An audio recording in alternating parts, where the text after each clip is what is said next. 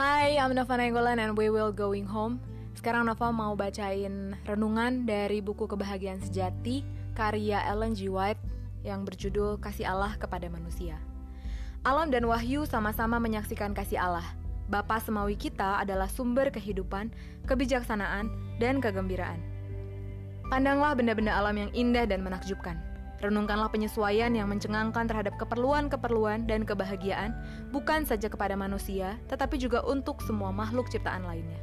Sinar matahari dan hujan yang menerangi dan menyegarkan bumi, bukit-bukit dan lautan serta lembah-lembah, semuanya berbicara kepada kita tentang kasih Allah kepada makhluk ciptaannya. Dengan kata-kata indah, pengarang Mazmur berkata, Mata sekalian orang menantikan engkau, dan engkau pun memberi mereka makanan pada waktunya. Engkau yang membuka tanganmu dan berkenan mengenyangkan segala yang hidup. Mazmur 145 ayat 15 dan 16. Allah menciptakan manusia dengan kesucian dan kegembiraan yang sempurna, dan bumi ketika muncul dari tangan Halik tanpa kerusakan pada tanaman ataupun bayang-bayang kutuk. Pelanggaran terhadap hukum Tuhanlah yakni hukum kasih yang membawa bencana dan kematian. Kendati pun demikian, di tengah penderitaan yang diakibatkan oleh dosa itu, kasih Allah masih juga dinyatakan. Telah dituliskan bahwa Allah mengutuk bumi itu karena manusia, kejadian 3 ayat 17. Onak dan duri, kesusahan dan pencobaan yang membuat hidup manusia menderita telah dibuat demi kebaikan manusia sebagai satu latihan yang amat diperlukan di dalam rencana Allah mengangkatnya dari puing-puing kehinaan yang dibawa dosa itu. Dunia ini, meskipun sudah jatuh, bukanlah semata-mata menjadi duka dan kesengsaraan. Di dalam alam itu sendiri terdapat pesan-pesan pengharapan dan penghiburan. Dalam alam ini terdapat bunga-bunga dari pohon yang berduri dan duri-duri yang ditutupi oleh bunga-bunga mawar. Allah itu kasih adanya. Demikianlah yang tertulis di dalam tiap-tiap kuntum yang mekar pada setiap pucuk rerumputan yang bertumbuh. Burung-burung yang cantik memenuhi udara dengan kicauannya yang penuh bahagia, serta kembang yang menebarkan bau harum semerbak di udara. Pohon-pohon yang menjulang tinggi di hutan dengan daun-daunnya yang ribun menghijau, Semuanya menyaksikan akan kelemah lembutan pemeliharaan Allah Bapa kita serta kerinduan yang membuat anak-anaknya berbahagia. Sabda Tuhan menunjukkan tabiatnya. Dia sendiri telah menyatakan kasihnya yang tak terbatas dan penuh pengasihan. Ketika Musa berdoa, perlihatkanlah kiranya kemuliaanmu kepadaku. Tuhan menyahut, aku akan melewatkan segenap kegemilanganku dari depanmu dan menyerukan nama Tuhan di depanmu. Keluaran 33 ayat 18 dan 19. Inilah kemuliaannya. Tuhan lewat di hadapan Musa seraya mengumumkan, Tuhan, Tuhan Allah, penyayang dan pengasih, panjang sabar, berlimpah kasihnya dan setianya, yang meneguhkan kasih setianya kepada beribu-ribu orang yang mengampuni kesalahan, pelanggaran, dan dosa. Dia pengasih dan penyayang yang panjang sabar dan berkenan kepada kasih setia. Allah telah mempertautkan hati kita kepadanya dengan tanda-tanda yang tak terhitung jumlahnya di langit maupun di bumi. Melalui alam, serta ikatan-ikatan yang terdalam dan terlembut yang ada di dunia ini yang dikenal oleh manusia, dia telah berusaha menunjukkan dirinya sendiri kepada kita. Namun semuanya ini belum mampu menunjukkan kasihnya.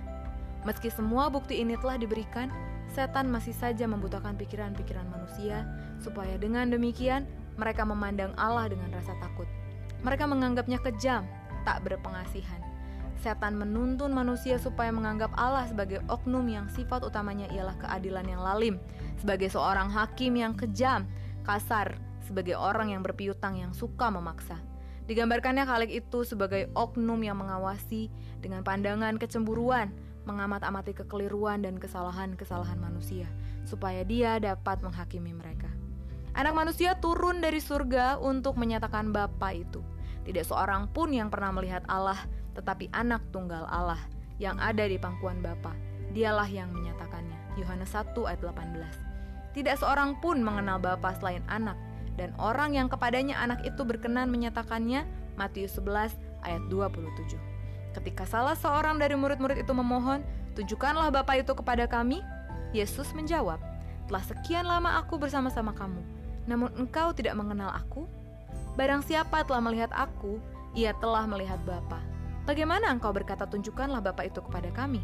Yohanes 14 ayat 8 dan 9. Dalam menggambarkan pekerjaannya di dunia ini, Yesus mengatakan bahwa Tuhan telah mengurapi aku untuk menyampaikan kabar baik kepada orang miskin, dan Ia telah mengutus aku untuk memberitakan pembebasan kepada orang-orang tawanan dan penglihatan bagi orang buta, membebaskan orang-orang yang tertindas. Lukas 4 ayat 18. Inilah pekerjaannya. Dia melakukan pekerjaan yang baik di mana-mana serta menyembuhkan semua orang yang ditindas setan. Terdapat pula kampung-kampung di mana tiada erangan kesakitan di rumah mana pun, karena Dia telah melaluinya, lalu menyembuhkan semua orang yang sakit yang ada di kampung itu. Pekerjaannya membuktikan bahwa Dia telah diurapi ilahi. Kasih, kemurahan, dan belas kasihan dinyatakan dalam setiap perbuatan hidupnya. Dia bersimpati pada anak-anak manusia. Dia mengenakan sifat manusia supaya dia dapat memenuhi keperluan-keperluan manusia. Orang-orang yang paling miskin dan hina tidak takut mendekati dia. Bahkan anak-anak kecil pun tertarik padanya. Anak-anak itu senang naik ke pangkuannya serta menatap wajahnya yang penuh pengasihan.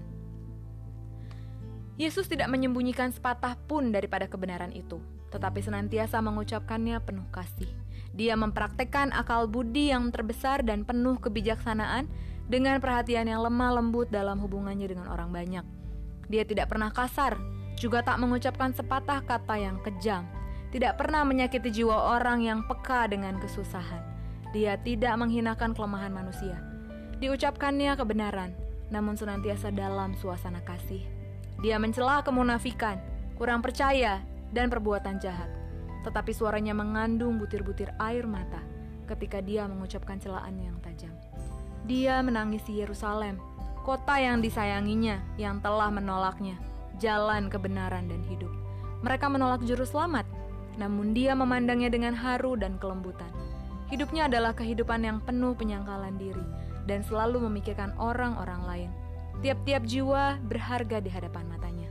Walaupun dia mengenakan pada dirinya sendiri kebesaran Allah, dia berlaku lemah lembut kepada tiap-tiap anggota keluarga Allah.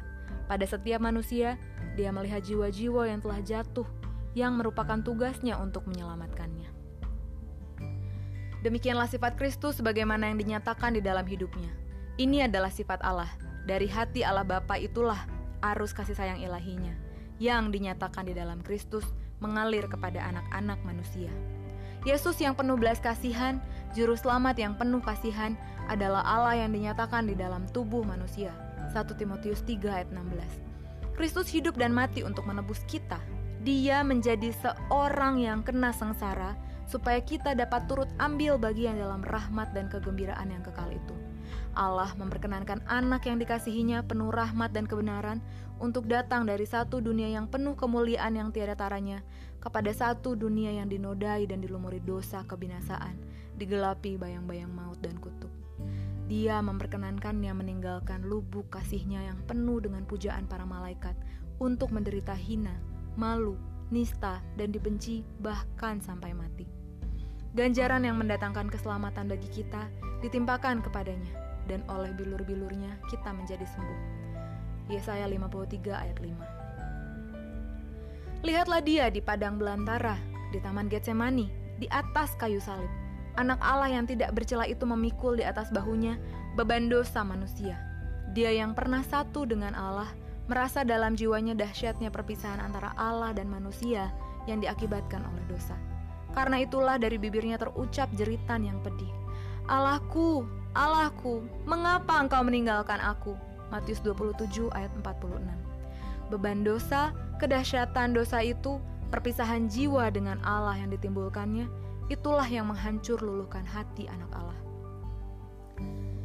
Tetapi pengorbanan yang besar ini bukanlah untuk menciptakan suatu kasih di dalam hati Allah Bapa bagi umat manusia, bukan untuk membuat Dia mau menyelamatkannya, tidak, tidak sama sekali.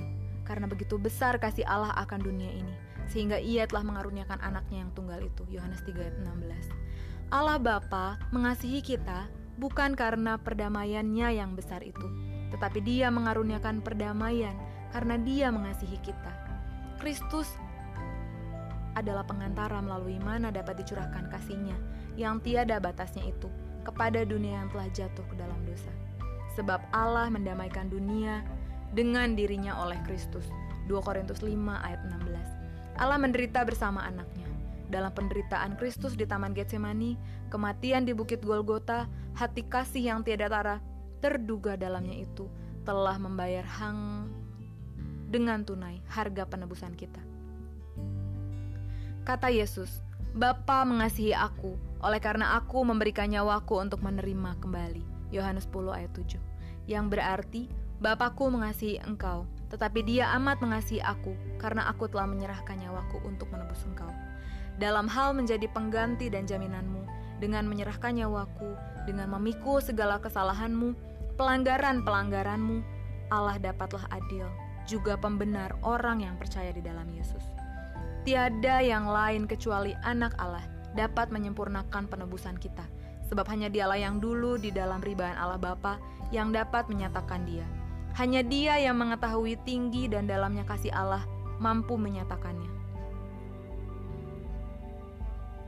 Tidak kurang dari pengorbanan yang tiada batasnya, yang dibuat Kristus untuk manusia yang telah jatuh ke dalam dosa, dapat menyatakan kasih Bapa terhadap manusia yang sudah hilang. Karena begitu besar kasih Allah akan dunia ini, sehingga Ia telah mengaruniakan anaknya yang tunggal itu. Dia mengaruniakan anaknya bukan saja supaya hidup di antara manusia, untuk menanggung segala dosa-dosa mereka dan mati sebagai korban mereka. Dia mengaruniakannya kepada bangsa yang sudah berdosa. Kristus harus menyamakan dirinya sendiri dengan kepentingan-kepentingan serta keperluan-keperluan umat manusia. Dia yang pernah satu dengan Allah telah menghubungkan dirinya sendiri dengan anak-anak manusia dengan ikatan yang tidak akan pernah dapat diputuskan. Yesus tidak malu menyebut mereka saudara. Ibrani 2 ayat 11.